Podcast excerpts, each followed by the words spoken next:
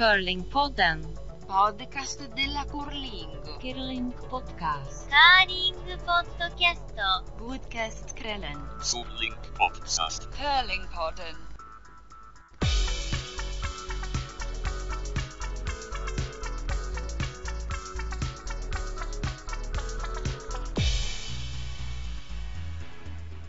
Välkomna tillbaka alla lyssnare ska ni vara till det tredje avsnittet av Curlingpodden.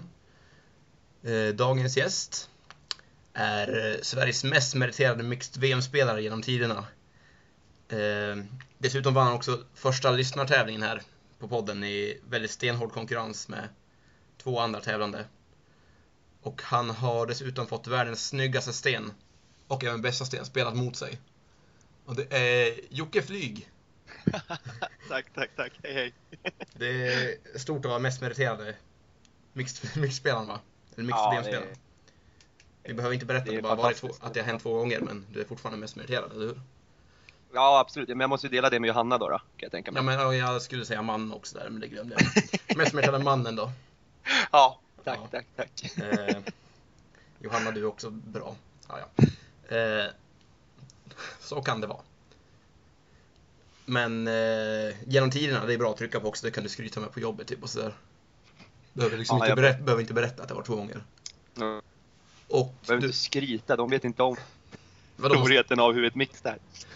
Ja, men det är svinstort, eller hur? Ja, det är, jättestort. Nej, det är med på riktigt. Det är riktigt kul faktiskt. Det är. Jag var på någon korridorsfest i förrgår här i Uppsala. Då skulle någon, min kompis skryta om att jag spelade curling till någon annan där och skulle försöka berätta att jag var en kändis liksom. Ja, Eh, ja, ja. Och då stod de bara och skrattade åt mig, så det är ungefär den nivån det är på. Man ska försöka skryta om curling, så det kan man ju skita i.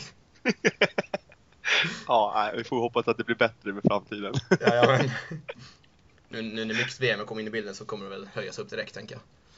Oh, absolut, absolut, absolut. Eh, och ja, just det, att du också har fått den snyggaste stenen spelade mot dig i världen. Eh, kan du berätta om den? Jag, eh, ja, jag sitter och funderar på om det är mannen själv bakom intervjun som har spelat den stenen. Eh, och sitter och funderar Det- på om, det- det- kollar om det Kan du ens fundera om? Den är väl helt. Universiaden, kan det vara det? Det, kan- det kan vara det va? Kan det vara Universiaden? För jag vet ju att du tycker Ja, det. det var en tusenvarvare. Jag hade 800 garder framför Bo. Eh, Jag tror vi hade vunnit matchen redan, visst kan det vara så va? Ja, ni, låg, nej, ni låg ju med typ, för att ta en trea eller fyra, och ni ledde med ett poäng redan typ. Precis, precis, precis. Och då, tusenvarvare som var ute på kantbanan nästan. Och la sig faktiskt helt klockrent på locket. Det var liksom inte en centimeter till godo. Och så kunde ni typ inte komma åt den sen, så då stal vi en etta. Och det gick ju... Ja, Ni det var förlorade matchen i och för sig, men det var världens bästa scen kanske. Kanske var en av de finaste stenarna jag någonsin kommer att se. Ja, hade den spelats in hade jag lagt av med curling direkt, för då hade jag liksom, det fanns inget mer att uppnå liksom. Det låter alldeles utmärkt. Ja, ja, skitsamma, vi går till det vi ska snacka om här. Vi ska snacka om den riksfärska nyheten Mixed VM. Som eh, du återigen har och då dragit hem ett silver från. Ja, Mm. precis. Och hur kändes, hur kändes det? hur det kändes. Nej, men det absolut, det var lite surt. Vi spelade mot Ryssland i finalen här nu på senaste. Mm. Eh, och eh, det, det är lite surt att förlora en sån final mot, mot ett lag som har hela publiken med sig. Mm, jag hörde, det var, det var inte så jättecurlingkunnig publik heller va? Det var Nej, lite buingar hit och dit. det, men det är, ja, vad fan ska man säga då liksom? Det, det, det var ju roligt att det var folk där överhuvudtaget. Ja. Och det var inte så att de var elaka, men som du säger, de var lite, lite, lite okunniga kanske över hur, hur det går till när man pratar. Ja. Eller när man hejar på curling. Ja, typ lite applådera missar och... Men det fattar väl inte de heller de inte kan. Jag såg att de, de applåderade en rysk miss också, så det var ju...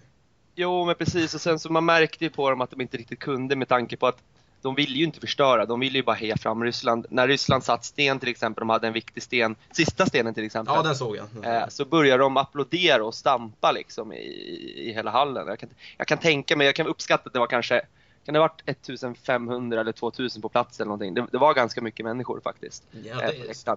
Och hur många hade vodkaflaskor med sig av dem då? Eh, Jag var faktiskt inte så, jag såg inte det som många. De var väldigt Ja. hårda med Men det var, säkerhet. det, det var så många alltså? Ja, det var, alltså det, ja, det kan jag nog tänka mig att det var. Hela långsidorna var faktiskt fulla. Oj. Kortsidorna hade de ju byggt upp med, eh, ja, eh, vad ska man säga, coachläktare och eh, på andra sidan var det en scen. Okej.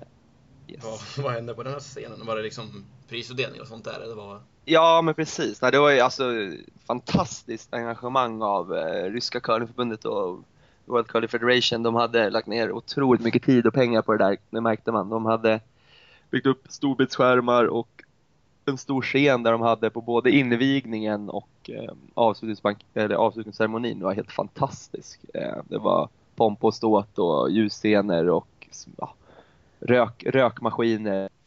Så man var lite som en rockstar? Ja, Eller live-framträdanden. Ja, det var verkligen, ja absolut. Eh, ja, ja, absolut. Det var, det var jättecoolt faktiskt. Eh, så var det. Så om du skulle jämföra det med förra Mixed VM, vart var ni spelade det någonstans? Vi spelade förra i Bern i Schweiz, men det var ju liksom lite sådär test tror jag också.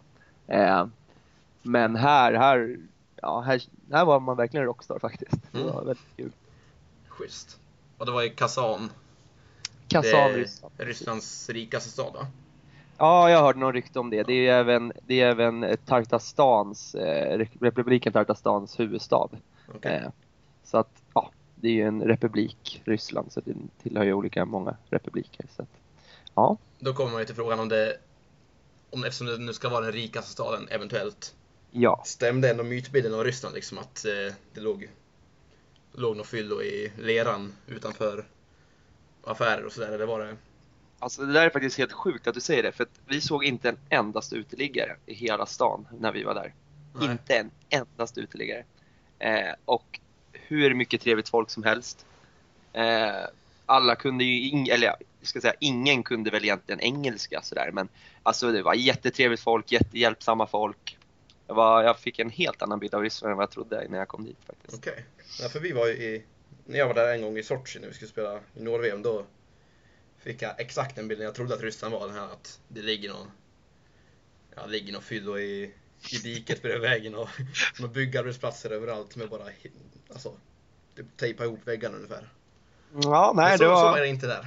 Nej, det var faktiskt, det var faktiskt väldigt, väldigt, väldigt fint. De har ju ett, krem, ett kremling där i, i eh, Kazan och man, eh, från curlinghallen på kvällen så ja, var hela stan upplyst i olika färger. Ja, det var jättevackert. Det Ja, var, vad sa du? Ett kremling? Det var, ja, det är ju sån här, vad kallar de det då? Ett eh, kultur, eh, kulturområde där ja, det var meningen att muslimer och kristna skulle samsas. Eh, så att eh, du, kan söka på Kremling i Moskva eller Kremlin i, i eh, Kazan? Ja, det, ja precis, det är ett stort palats med en moské och en kyrka i. Okej. Eh, och lite sådana andra gående hus. Mm. Okej, okej. Men till själva, själva spelandet och tävlingen då? yes. Det var ju lite störande uppladdning kan jag tänka mig. När det var meningen att det var någon skipper som skulle åka med där som var klen och blev sjuk som inte kunde följa med, eller hur? Ja, det kanske var världens sämsta eh, världens, eller världens sämsta ska jag inte säga, men världens, världens struligaste kanske uppladdning. Eh, finns en kille som heter Fredrik Nyman som skulle följa med istället då för Rasmus Vrano som var med och tog den här platsen då. Mm. Eh, ja. eh, och eh, Fredrik Nyman, han åkte på en köttelfeber. Pusssjukan, jag vet inte vem du han har pussats med men, Alltså, jag Han har åkte levt i på- celibat i två år så jag vet inte. men i alla fall. Eh, så på måndagen fick jag ett samtal då från Fredrik att eh, han hade blivit sjuk. Han hade åkt på köttelfeber. Och efter eh, lite snack i laget och sådär så har vi en tjej som, ja, Sandra har ju haft köttelfeber i tre månader förut så att vi vet hur illa det kan bli. ja. Vi bestämde oss för att eh, förfråga Christian Lindström åka med istället för Fredrik då, då som var sjuk. Mm. Och det kan vi tillägga, snacket där var ju att vi pratade först om att ja, men jag ska ju skippa ändå så jag kanske jag kan väl spela en match om dagen och, och sova liksom. Precis, precis. Eh, men det var nog ett ganska bra val att inte göra så för jag var fortfarande heldäckad när, samma dag som turneringen började. där. Kan förstå det. Ja. Jag förstår. Och dessutom tog in Christian, han har väl vunnit Mixed SM förut va? Oh, ja, med Anna tror jag faktiskt va? Ja. Anna Hasselborg. Mm, Agnes? Nej, Mm, ja, var Marcus med också va? Hasselborg, tror jag. ja, alltså jag är så dålig Jag är inte helt säker, men de har Men jag vet att han har vunnit Mixed SM ett år, ja det Ja. stämmer. Och jag har ju aldrig gått till slutspel så det kanske var ett rätt okej val ändå. Ja, ja, ja, jag, tror- jag tror inte det hade gått någon annans skillnad överhuvudtaget i turneringen oavsett vem vi hade haft med, det kan jag säga.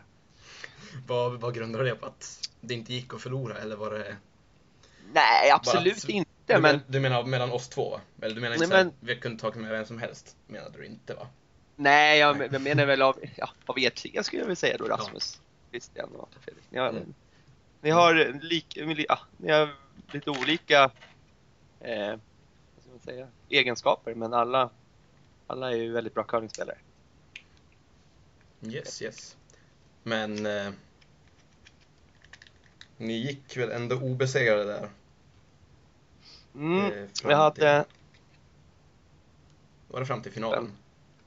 eller sex matcher i gruppen ska jag säga. Sex matcher i gruppen. Ja. Eh, och ja, precis. Ja, obesegrad fram till finalen.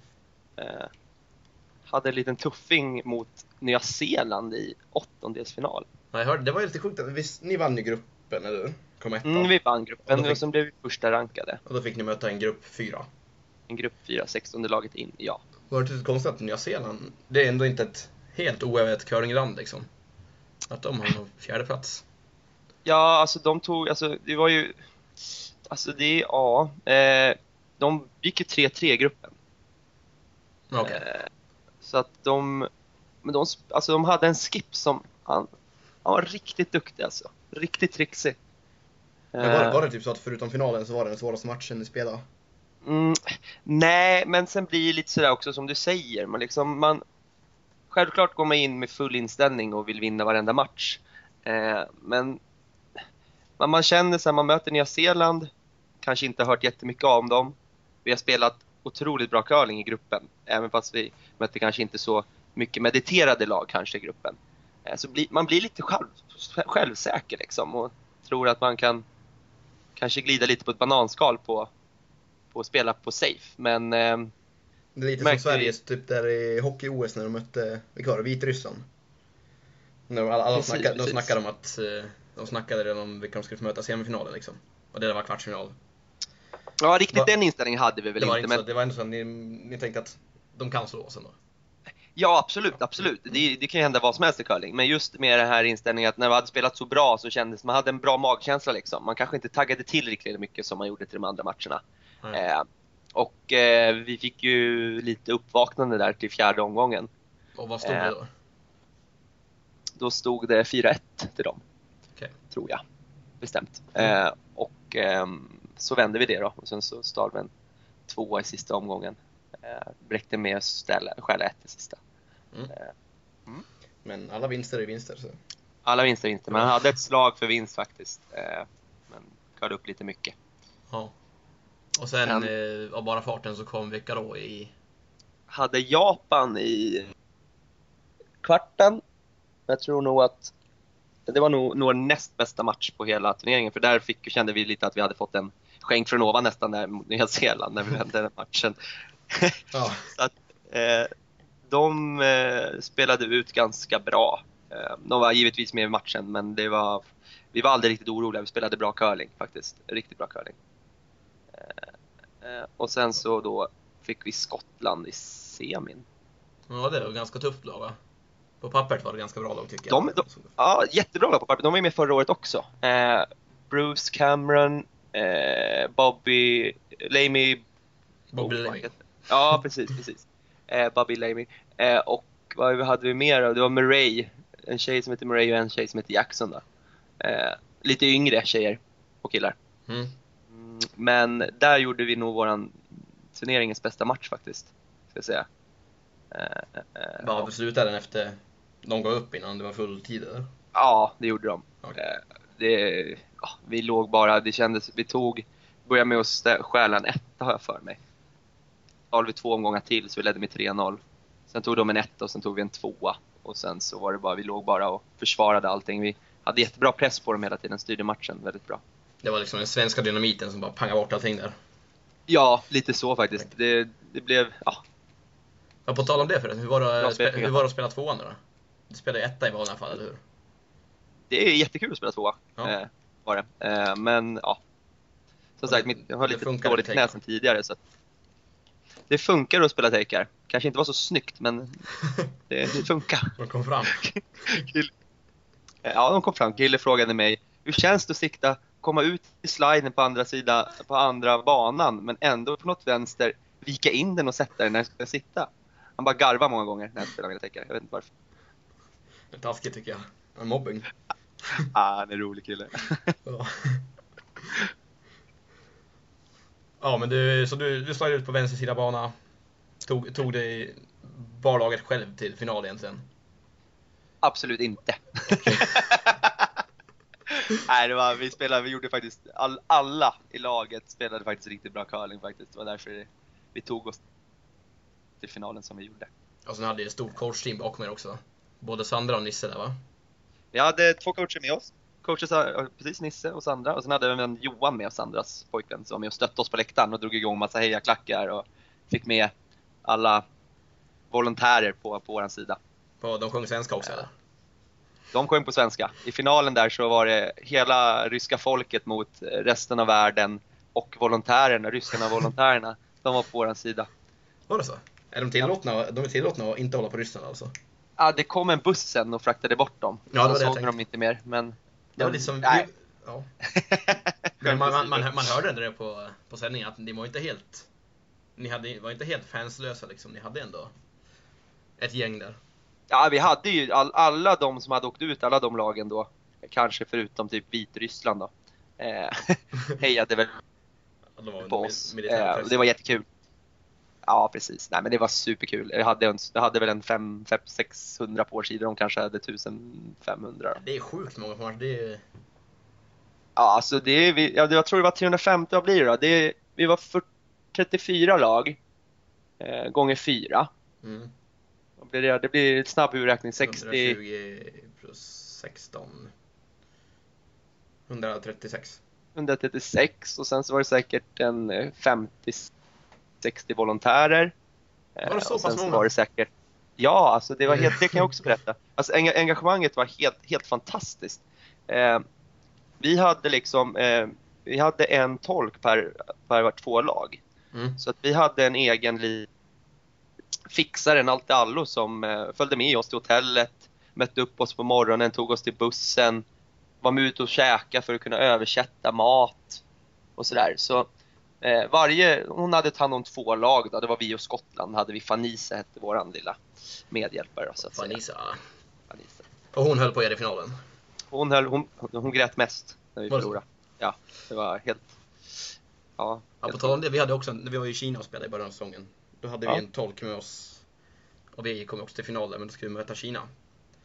Och eh, då sa hon så här, ah, I'm sorry but I have to share for eh, both of your teams. Eh, och så kom Patrik Maber så bara så här, nej men då är inte du min vän mer. Och så började hon, och började hon gråta för att hon inte kunde hålla, hon var tvungen att hålla på kineserna liksom. Nej, Jo, men, så, då har ändå ni lyckats bättre att få er tolk att bara hålla på er. Ja, nej, det var, alltså det var fantastiskt. Det var det verkligen. Det var riktigt kul. Mm. Eh, Men det är som alla vet, som säkert lyssnar på den här podden, att curlingen är som världens familj. Eh, Och det är likadant på i alla fall mixmästerskapet. Verkligen. Så är det. Men eh, finalen, behöver vi gå in på den mer eller? Är det något du vill prata om eller var det bara så här, ja, ah, ni förlorar? Nej, men det var alltså som sagt liksom, vi mötte hemmanation, de hade publiken på sin sida. Eh, de eh, klarade pressen jäkligt bra faktiskt. Eh, de spelade bättre curling än vad vi gjorde. Jag tror vi, om vi inte hade spelat ut dem så taktiskt som vi gjorde kan jag tycka, Mm. så hade vi nog inte tagit oss till en skiljeomgång med tanke på att de hade nog en hyfsat mycket högre procentscore än vad vi hade. Eh, Jag var lite shaky på mina nerver också så jag spelade faktiskt riktigt dåligt där. Men Det blev ändå skilje i en final, det är väl jämnt Ja. på vis ändå. Ja, men det var lite så vi såg det med tanke på att vi, vi, tyckte, vi tyckte, laget tyckte att, att vi gjorde en halvdan insats. Och att vi ändå tog det till skilje.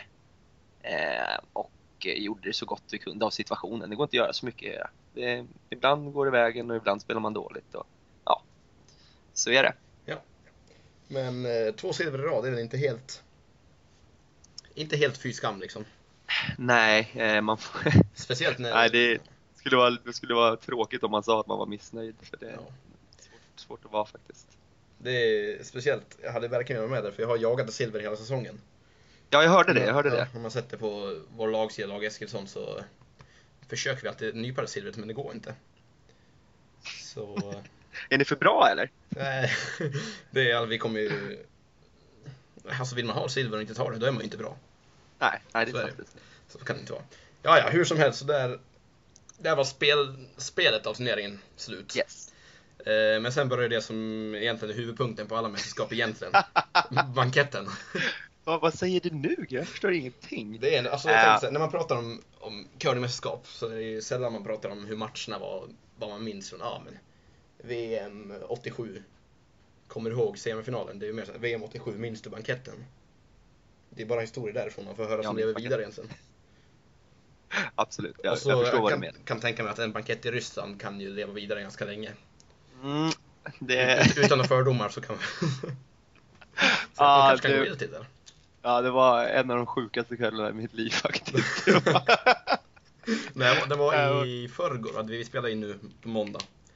Det måste ha varit två dagar sedan eller? ja, precis lördag. Eh, lördag och söndag eller? Söndag Eller morgon. Söndag eftermiddag. Eh, ja, eh, det var, var fantastiskt. Som sagt, allting var väldigt, väldigt påkostat. Alltså, det var liveuppträdande och det var dansare, flera hundra dansare på scen som gjorde Ja, det var helt, det var helt sjukt på både öppningsceremonin och stängningsceremonin. Det var, eh, ja, och eh, även så banketten. Vi var någon jättelyxig, typ så här restaurang eller typ så här ut, uthyrningsrestaurang typ. Ja. Eh, och eh, var en plockmeny typ med eh, massa fisk, olika fisk och eh, lax var det till förrätt och så var det en jättefin ostbricka till efterrätt. Och, ja, självklart så bjöds det ju på rent vatten då som de kallar det istället för annan dryck till maten. Eh, så var det. Så att det var, det var vodka som, som, som ungefär var det som fanns till att välja till att dricka. Det, det var lite av tvång. Det var, det, och det stod där i karaffer eller? Ja, det stod det. Servitriserna bara fyllde på hela tiden. Mm. Fort och tomt glas. Så det... När, när började banketten? Vilken tid? Eh, banketten började, vi var lite sena givetvis. Eh, banketten började 19.00 egentligen. 18.50 skulle man vara där. Mm. Vi räknade ju iskallt med att eh, maten skulle vara försenad. Eh, vilket den alltid brukar vara på en bankett. Eh, man brukar behöva mingla först en timme eller någonting innan det är dags för sittning. Ja. Men eh, 19.00 stod nog maten på bordet och då var inte vi där. Vi var där. Frågan är, när, när stod ni på bordet då? 21.00 eller? Nej, skämt åsido. Vi spelade finalen, slutade. Vi började 14 och slutade då halv fem ungefär. Sen höll avslutningsbanketten, eller avslutningsceremonin på i två timmar ungefär. Eh, så att eh, vi var väl hemma typ till sex. Då Ja. skulle vi in i duschen och så ska man, ja du vet. Tjejer, i, tjejer i laget också eller? Sminka sig, ja men precis. Eh, så att vi och Skottland kom en liten senare buss till, ja, vad kan klockan varit, halv åtta kanske. Ja. Eh, och då var det bara att nypa de få stolarna som fanns kvar för att alla andra lag var där förutom vi. Ja, det var inte någon bordsuppdelning så mellan lag, det var bara att sätta sig eller? Det var bara att sätta sig så att jag och Krille hamnade bland eh, kanadensiska eh, föräldrarna och farmödrar och ja, supertrevligt. Supertrevligt var det. Det är skönt ändå tycker jag, för det, när jag var på banketter så blir man uppdelad och tvungen att sitta bredvid de här och de här. Precis, precis. Men bara gå och sätta sig, då får man ju... Får man ta någon man vill ha, eller hur? Ja, nej men precis. Nej, men det var jättetrevligt. Vi hade Ja. superkul. En gammal kompis till mig som mamma och pappa var där. Eh, så att vi satt och snackade massa. Okej, var de släkt med någon annan? Var de släkt med din... Alltså Ja. någon som var där och spelade eller? Precis. Jag Eh, tänkte co- fråga- eller skippen i, i lag Kanada. Eh, Lismore. Eh, Mike. Mikey Lismore. Mike, Michael Lismore. Precis. Eh, är min kompis Katie Lismors lillebror. Eh, som som jag Okej. träffade i Fyssen för några år sedan när jag var lite mindre. Mm. Och hennes föräldrar var där. Schysst. Så- Så du var, du var tvungen att bete dig lite grann? Ah, vi, vi hade trevligt. Mm. det var kul. Men sen då från den mer så här sofistikerade banketten. Ja, Eh, den måste ju övergått till en... Alltså En en sån- fest. Ja, exakt, en sån bankett som man hör historier om sen. ja eh, det, vi käkade middag där och det höll vi på kanske i två timmar, käkade middag så vi kanske var klara vid tio. Sen kastade de in världens jazzband. Så här, riktiga jazzmusiker med, med trumpeter och saxofoner och ståbas och Du, det och är... körde Alltså de körde sån så här, så här, du vet, ny tappning av musik. Alltså, musik som är ny. Ja, Tappade ner i jazz och bara krängde järnet där hela kvällen. det är så jag tänker mig så här, The Great Gatsby typ nu där och verkligen. Exakt så såg det ut, det kan jag lova er. De som stod på, de som, ja, det var ett sånt band liksom. Ja, Bara krängde jazz där och det dansades något kopiöst ska du veta. schysst. Det var riktigt schysst. Eh, Sen då, hur, hur, hur långt vågar du gå in i detalj från den här banketten? Vågar du? Nej men nej, det var jättetrevligt. Jag kan, jag kan, ja, vi, eh, ja absolut. Eh, Det, det finns lite godingar. Nej men eh, vi slutade med att eh, banketten stängde där vid 11. Eh, Krille och jag ville fortsätta festa. Eh, Mm. Så vi sprang, ja tjejerna också för den delen och Sandra. Så att eh, Jenny, jag, Johanna och Krille vi sprang runt där och spred lite rykten om att det ryktades som en efterfest på, på baren bredvid oss. Och det var ni som startade rykten också eller? Ja, det är Ja. mycket möjligt att det var vi som började starta. Vi och Andy Kapp. Han var väldigt på. Han var väldigt på. Ja. Det visade sig vara, eh, det var, Andy Kapp visste vad det var för någonting, det visste inte jag sedan tidigare. Och det visade sig vara en, en sån här Coyote Ugly bar. Alltså en bar där tjejer, lättklädda tjejer från bartenderna dansar på baren då helt enkelt. Och han hade varit där och scoutat en vecka innan? Han var där och scoutat några dagar innan nämnde han. Nämnde Okej. han. han tyckte det var en väldigt bra bar, där blev det bra dans tyckte han. Okej. Så att, eh, det Han- blev slutdestinationen där faktiskt. Andy Kapp är förresten för de som inte vet en, lite av en legend Legend. inom tysk curling liksom. Ja, han Han- och han- Holger. Ja, de är väl tysk, tysk curling på här sidan. Precis. Det är de man vet om. Eh, Ja, ja, så ni drog dit. Fick så vi med- drog, vi fick, jag tror vi fick med säkert en 70 pers dit. Mm. Eh, och nästan, nästan alla. Alla de som var ute för, det var många som skulle åka hem lite så här tidigt dagen efteråt, du vet hur det är. Ja. Så det, några av de lagen trillade av, Kanada trillade av och lite sådär men de flesta där de, de hängde på till, eh, till den där avslutningsbaren där. Eh, Det var väldigt kul, mycket dans. Mycket, mycket dans var det. Och eh, du dansar mest av alla eller? Minns, Ja. minns du allting? Eh, Jag eh, minns allting. Mm. Eh, inte kanske i detalj. Eh, det var vä- väldigt billigt i barerna. Var det. Ja. Billigt i barerna. Så där stod du och spred hisspengar, hisskraftspengar ut över. Ja, kasta pengar på dem. Jajamän. Nej, men det var supertrevligt. Eh, det var en jävligt, jävligt cool och sjuk grej som hände faktiskt. Det är Mm. Det, men det är bara en sån här grej som eh, Christian... han har ju lyckats i sina dagar. Ja. Eh, och det här, alltså det, ja. Vi var på, då var vi kvar då, det kan vi ta tillbaka till banketten. Eh, det var jazzband på scen. Mm. Eh, körde för fullt där, vi svingade runt, Christian dansade styrdans. Mm. Eh, ja, vi hade ju matchande kostymer då och eh, sådär och tjejerna hade matchade klänningar med varandra. Och ja, det var jättestiligt och sådär. Och sen så tappade jag bort Christian helt plötsligt. Och det är att man börjar leta liksom lite små, små skön som man är, börjar man leta efter någon med samma kläder som en själv för det var det enklaste sättet. Ja. Helt plötsligt så ser jag inte Christian längre. Tills jag liksom börjar leta ansikten och helt plötsligt så står han där. Eh, iklädd en kimono. Och jag tänkte, vad fan händer? Ska han ta ett foto? Var, var, var, var det någon som hade med sig en kimono in? eller? Ja. Lugn nu, lugn nu. Yes. Eh, och sen kollar jag lite längre bort. Då står Japans eh, skip med Christians kavaj. Och den, Så eh, hur lång var Christian japanen? och japanen, han var kort. Ja. Eh, men Christian och eh, japanen hade bytt kläder med varandra. Som man byter matchtröjor. Så Christian, han, eh, han äger numera en kimono. Ja, gör han. Passar den? Det var rätt storlek på den. Ja, den var väldigt fin. Det finns om man går in på och kollar på hans, eh, jag lånade den lite där på senare timmarna där och tog ett foto där. Ja. Finns, finns på Instagram, om kolla på Christians. Men den är väldigt fin kimono. Men det var, det var så sjuk grej så bara se honom stå där. Vad har du gjort? Nej, vi böt! Han fick min kavaj så fick jag hans kimono. Så han sprang runt med den kimono på den här uh, Kyoto-baren eller vad det hette. Ja, han kom in med kimonon även på Kyoto-baren, ja. Ja, så kan man ju så kan man göra om man vill. Men vadå, jag Ja, tänkte, jag det- tänkte att kimono, är inte det, alltså har män på sig kimono? Är jag så dåligt använd? Ja, de har ju det. De har ju kimono och sen har de ju sån här han fick till och med liksom resten av kimono, för japanesen han tyckte det var så kul att han tyckte det var så fin så att dagen efteråt så kom han med eh, skorna och han tillbehör som man ska ha till den där då. Ja. Eh, så att ja, ja full utrustning nu. Och Christian, behöll han sina skor eller gav han bort dem också? Nej, han, han behöll sina skor och faktiskt eh, eh, Det blev ju så kort varsel att Christian skulle med. Ja, Så han hade bara en svart kostym och det visade sig vara den som de hade på Idrottsgalan. Okej. Och vad jag hörde på rykten så kostade den tiotusentals kronor okej. i alla fall.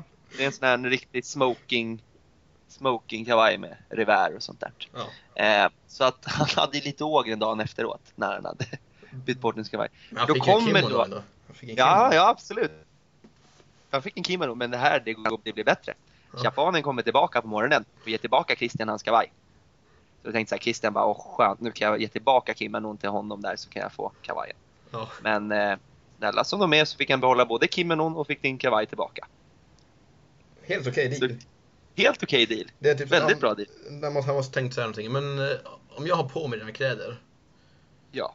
Eh, så kan du få, hy- du kan få hyra mina, min kavaj i en kväll här. Om jag får din kimono i betalning.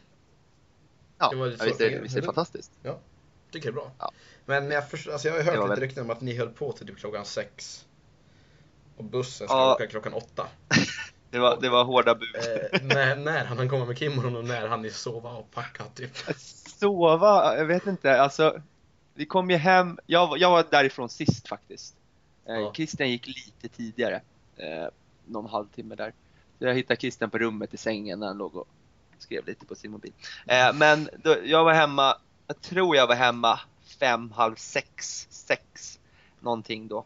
Eh, och problemet var ju att vi hade inte hade hunnit packa där på, på kvällen innan. Nej. Så att eh, det blev, blev smått kaos där när vi tyckte att vi skulle sova en timme först innan vi började packa.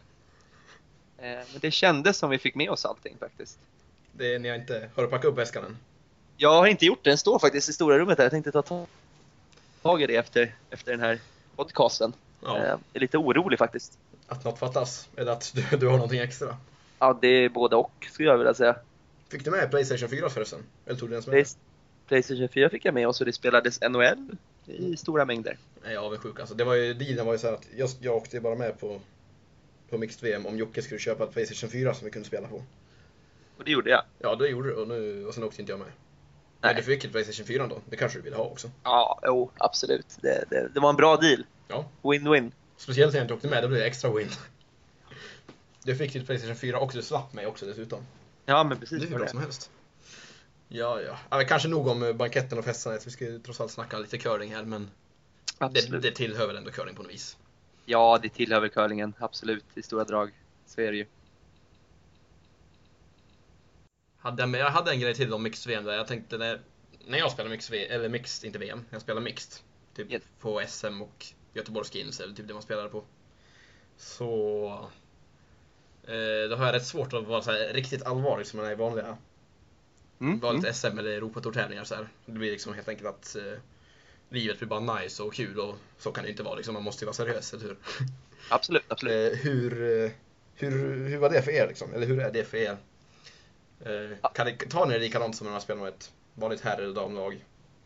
Alltså det är, det är ju lite svårt det där. Man, man har inte, speciellt nu när vi spelar med Christian. Eh, han hade ju inte tränat Podcast någonting med oss della innan. Eh, och, lite sådär, så han hade ju ingen aning vad som hände. Johanna har ändå spelat med några år så det vet jag lite hur det fungerar. Men det är ju det här med att man måste re- respektera varandra på ett helt annat sätt. Eh, man har inte tränat ihop, man har gjort olika saker i olika lag, alla har olika taktiker, alla olika släpp, farter, sopning, allting. Eh, så att det, det är väldigt svårt att kanske ta det lika seriöst som, som, som vanligt.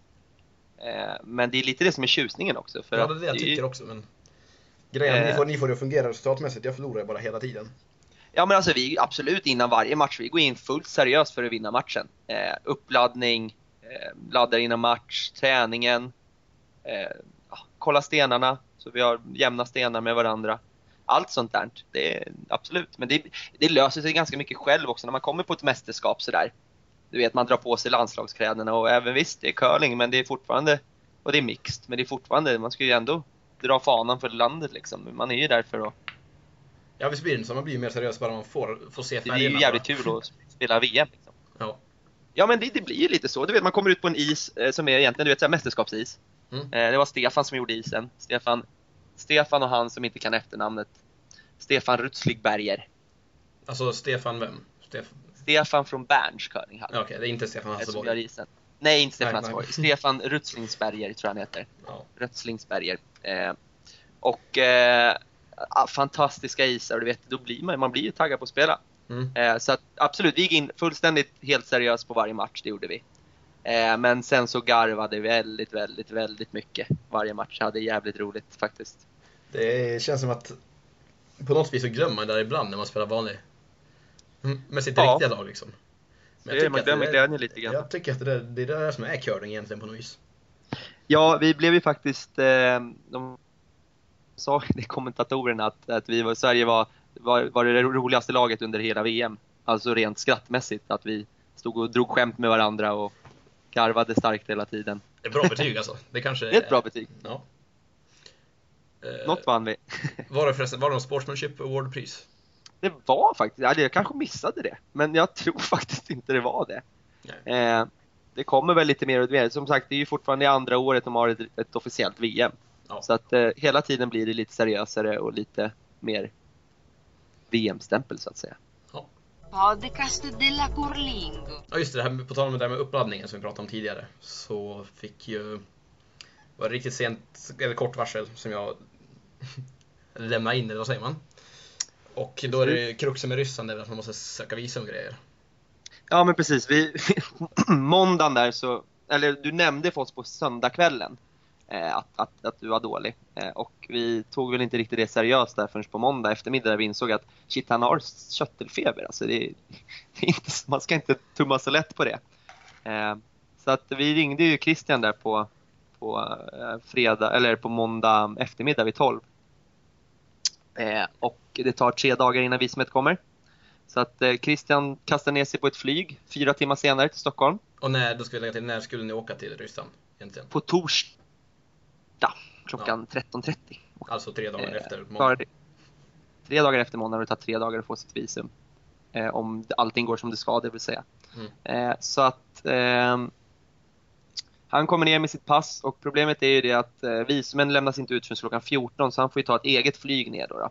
Så vi fick boka om din biljett då Fredrik till, till kvällsbiljett till, till eh, Christian så han fick komma lite senare. Så han bodde hos mig där tre dagar först innan vi stack. Och, men Sen då så, missade han någonting? Han missade ingen match va? han missade träningen på morgonen. Ja. Men det roliga till saken är att han höll på att missa en match också nästan. Nej, han, han kom i tid. Men eh, det var så att vi var ju nere i Ryssland och eh, Christian kommer på natten då, så han åkte klockan åtta från Sverige, mellanlandar i Moskva och har en vila på sex timmar i Moskva innan flyget från Moskva till Kazan gick. Mm. Christian har en ny mobil och är van att i sin gamla mobil ställa om tiden till rätt tid. Eh, så Christian lägger sig och sover på eh, gaten där planet ska gå ifrån för att tänka att ja, då kommer jag inte missa det. Problemet är bara att eh, Och han hade ställt ett inte- larm där också eller? han har ställt sitt larm och när han vaknar av larmet så står inget plan där. Eh, Så att han hade sovit och planet hade gått 10 meter ifrån honom och han missade sitt flyg då. Kazan från Moskva. Men han lyckades faktiskt köpa sig en ny biljett och kom tre timmar senare då. Så att eh, det gick ju bra. Men det var en del Ja. panik där när du fick höra det va? Ja, det var lite panik, men det största paniken var när Christian kommer fram och sa att vi har ett annat problem också. Vilken eh, bra start det var på turner- turneringen det här ändå tycker jag.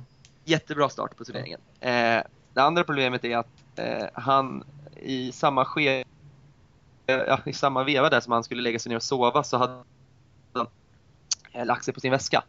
Mm. Eh, och sen hade han vänt sig på sin väska och eh, råkat knäcka sina glasögon på mitten. Nej. Christian ser inte utan sina glasögon. Nej vi ser han ser inte bra alls. Han ser inte till andra sidan banan. Nej. Så att eh, vi fick limma om hans glasögon åtta gånger med superlim under turneringens gång. Ganska roligt notis dock. Var det någon match som bara "Aj, jävlar nu gick den sönder? Nej, typ så här, men kom han där, "Nej, jag får, får, får höfta. Han har väl sopen där borta någonstans.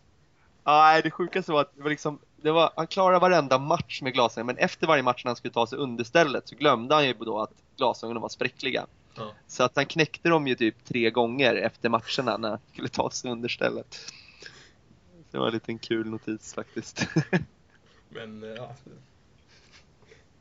Bara, det, det var, ni höll ju en bra fasad och det var inget som syntes under matcherna så det är lugnt.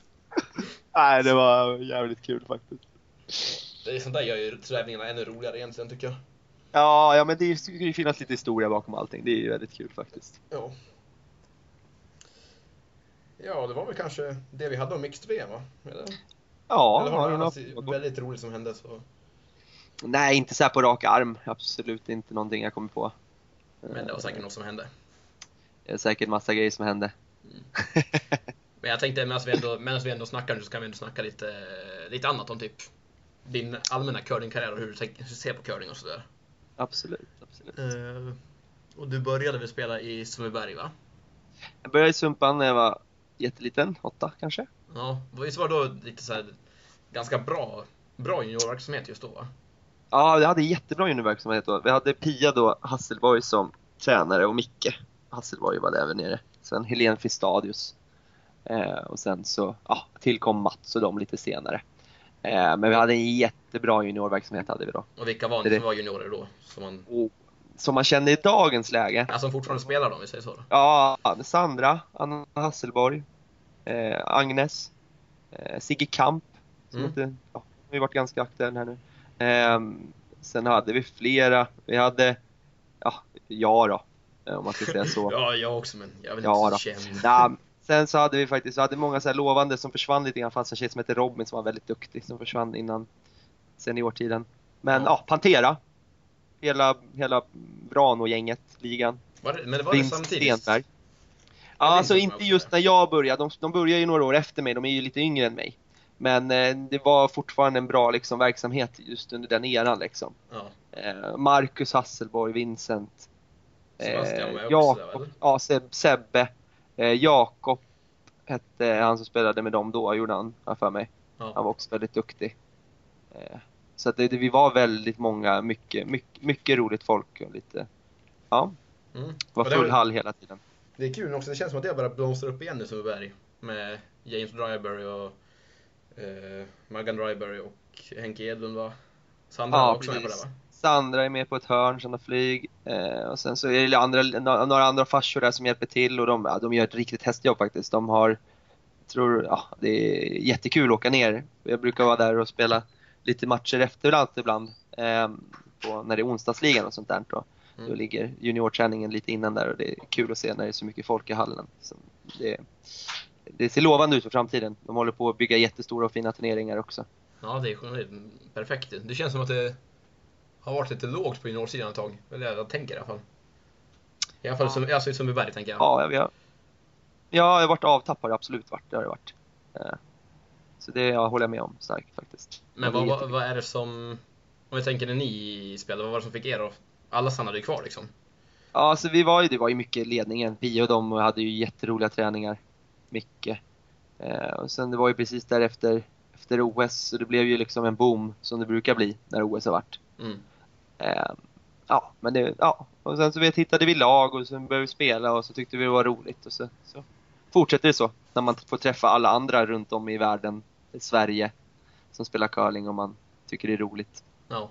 Och det är därför jag håller på också, för att man, man sket i curlingen egentligen i början. Det var ju bara att Ja. man skulle träffa folk. Man ville träffa folk som man hade träffat. Men du är väl inte, du och Sandra började väl före era föräldrar va, eller? Precis, jag och Sandra började när, när jag var åtta och Sandra var tio då. Sen Ja. så började morsan spela några år efteråt.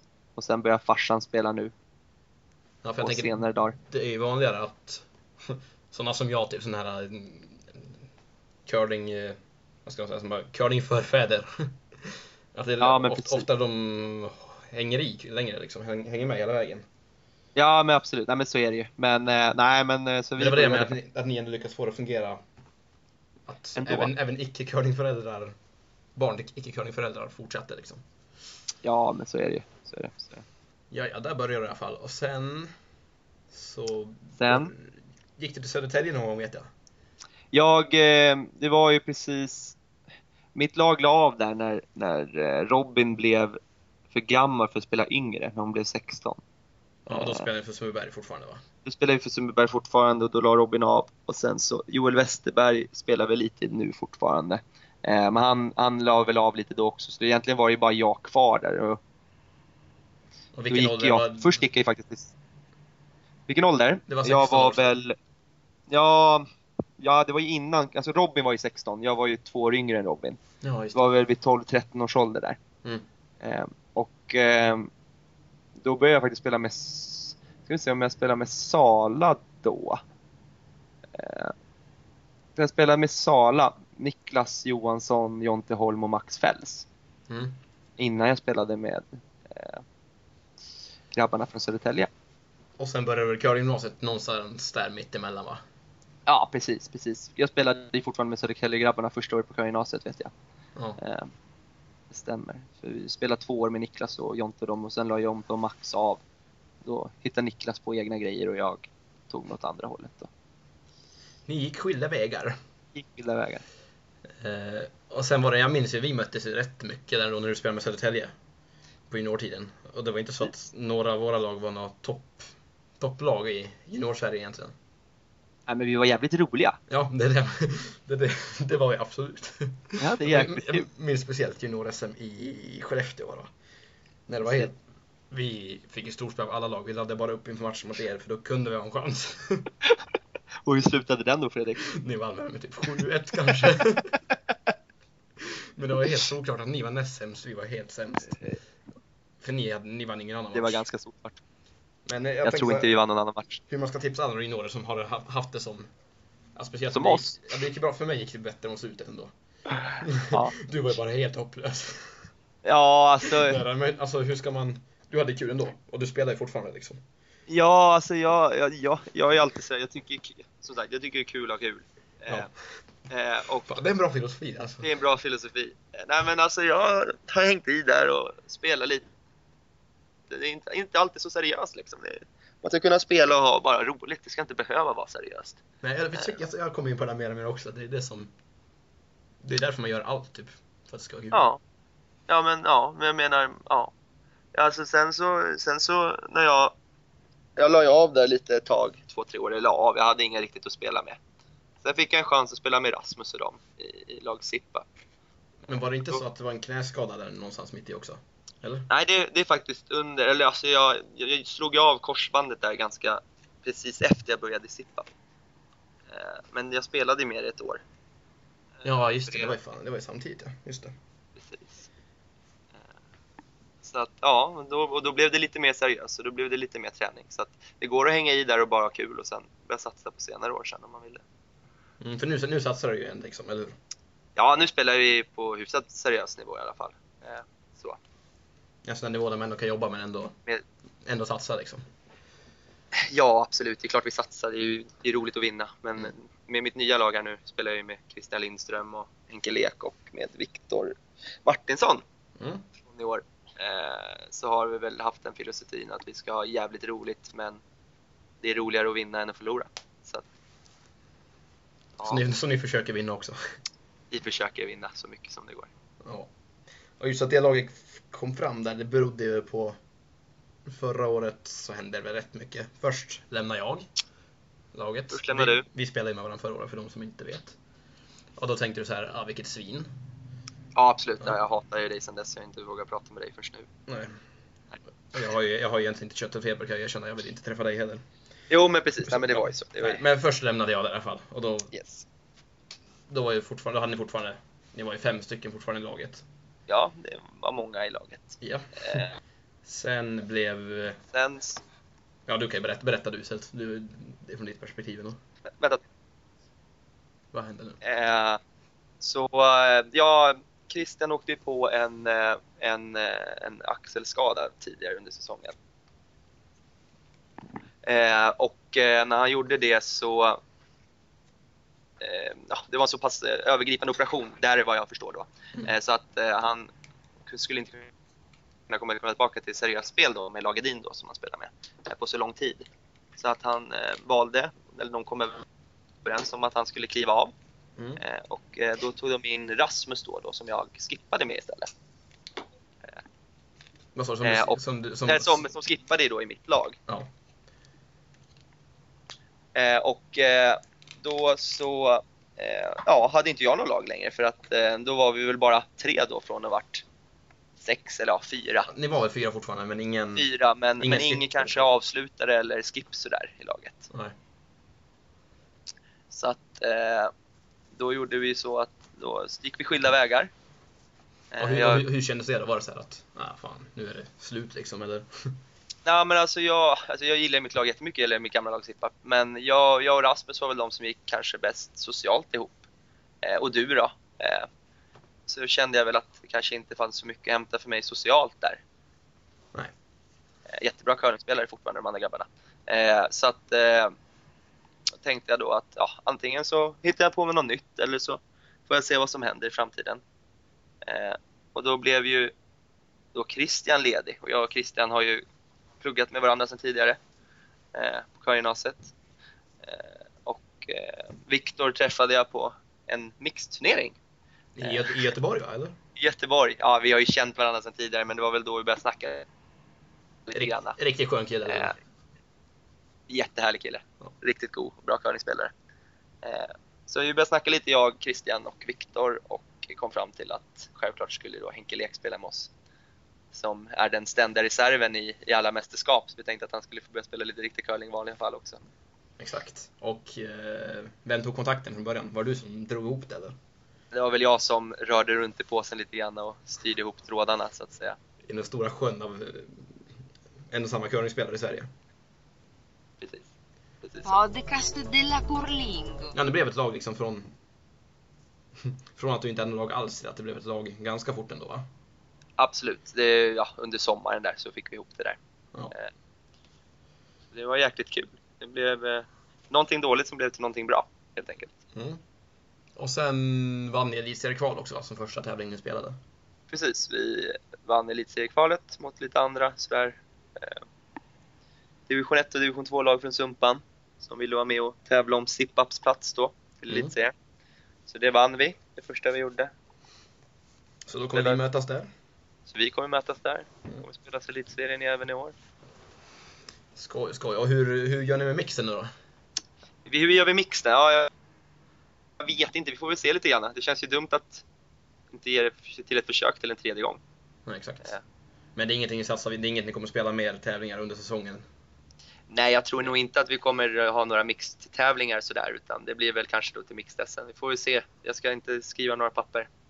Eh, men får se vad som händer helt enkelt. Men det finns nog en stor chans att det kanske blir så. Men om vi, om vi ska på er ditt, ditt vanliga lag, herrlaget nu då. Eh, Ja. Vad, vad, är det som, vad är det som driver er att spela nu? Alltså har ni något Ja, vi- utsatt mål liksom? Alltså, ja, vi, alltså vi har ju... Vi, vi är ett gäng sociala killar liksom, tycker kul och ha roligt och gillar att snacka och ha trevligt. Så det är väl lite vårt mål att ja, ha, ha jävligt kul, träffa nytt folk, prata med gammalt folk, Så typ spela liksom- lite curling. Ja, egentligen spela, spela curling och se, se hur det går bara. Ja, absolut. Eh, Ja, alltså självklart så vill vi ju ta oss uppåt i Sverigetoppen, så är det ju. Mm. Ni Eh, är väl redan man- där egentligen?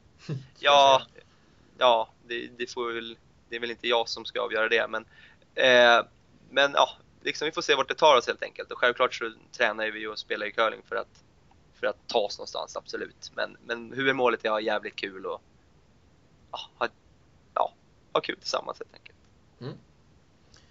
Bra. Eh, från förra avsnittet vet ni, då hade vi ju inte en lyssnarfråga. Men det hade vi i första avsnittet. Så därför kommer vi inte ha en idag heller. För att jag inte hunnit fixa något pris bara. Helt enkelt. Glassen är slut. Jag har reserverat två paket till Jocke men sen har jag inget mer.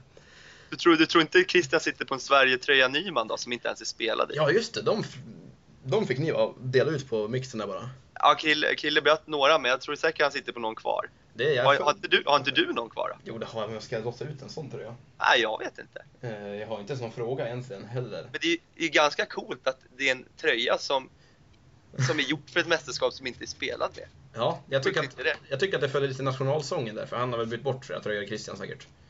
Ja, Det blir lite... Eh, ditt namn flög över jorden. Eller hur? Det är väl exakt det han har gjort nu också. det Mitt namn på en lapp. Fast nu på en tröja istället för att flyga över jorden. Det var bra. Det gillar vi. Ja, Ja, men okej. men vi eh, skämtade och sa lite grann att Fredrik Newman, så att Krille var ju the Newman. Ja, snyggt. Fattar inte om. Nej, men eh, jag har ingen, ingen tävling den här gången. Men eh, jag ska försöka fixa det nästa gång. Jag ska jaga in en stor sponsor så man kan vinna något som man vill ha egentligen. Vem vill ha någon sunkig, sunkig Nyman-tröja egentligen? jag inte vet jag. Jag ska faktiskt försöka få in min, en av mina tröjor på, någon, på en sportbar i Leksand. Ska se hur det går. Det, det hänger typ såhär Forsberg och Sundin och sen ska min hänga bredvid. Det hade ju varit Ja, ja skitsamma. Vi kommer mot slutet här. Ett. Eh, och eh, den sista grejen jag har att fråga dig här det är eh, som jag frågade Marcus Hasselborg i första avsnittet också. Om du skulle få ändra på någonting i svensk eller lägga till någonting. Eh, vad skulle det vara? Oj. Gud vilken bra fråga. Eh, Om man skulle förändra eller lägga till någonting i svensk curling? Ja du. Skulle det vara?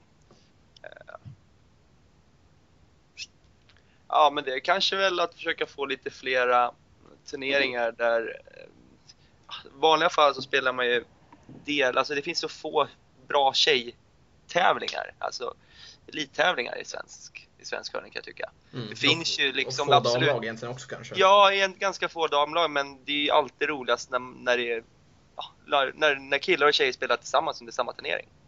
Eh, och det finns ju möjlighet för det på både Sumpan Open och på Matchdown, men Ja, du menar så, så att man är, det är olika klasser men båda är på samma ställe ändå?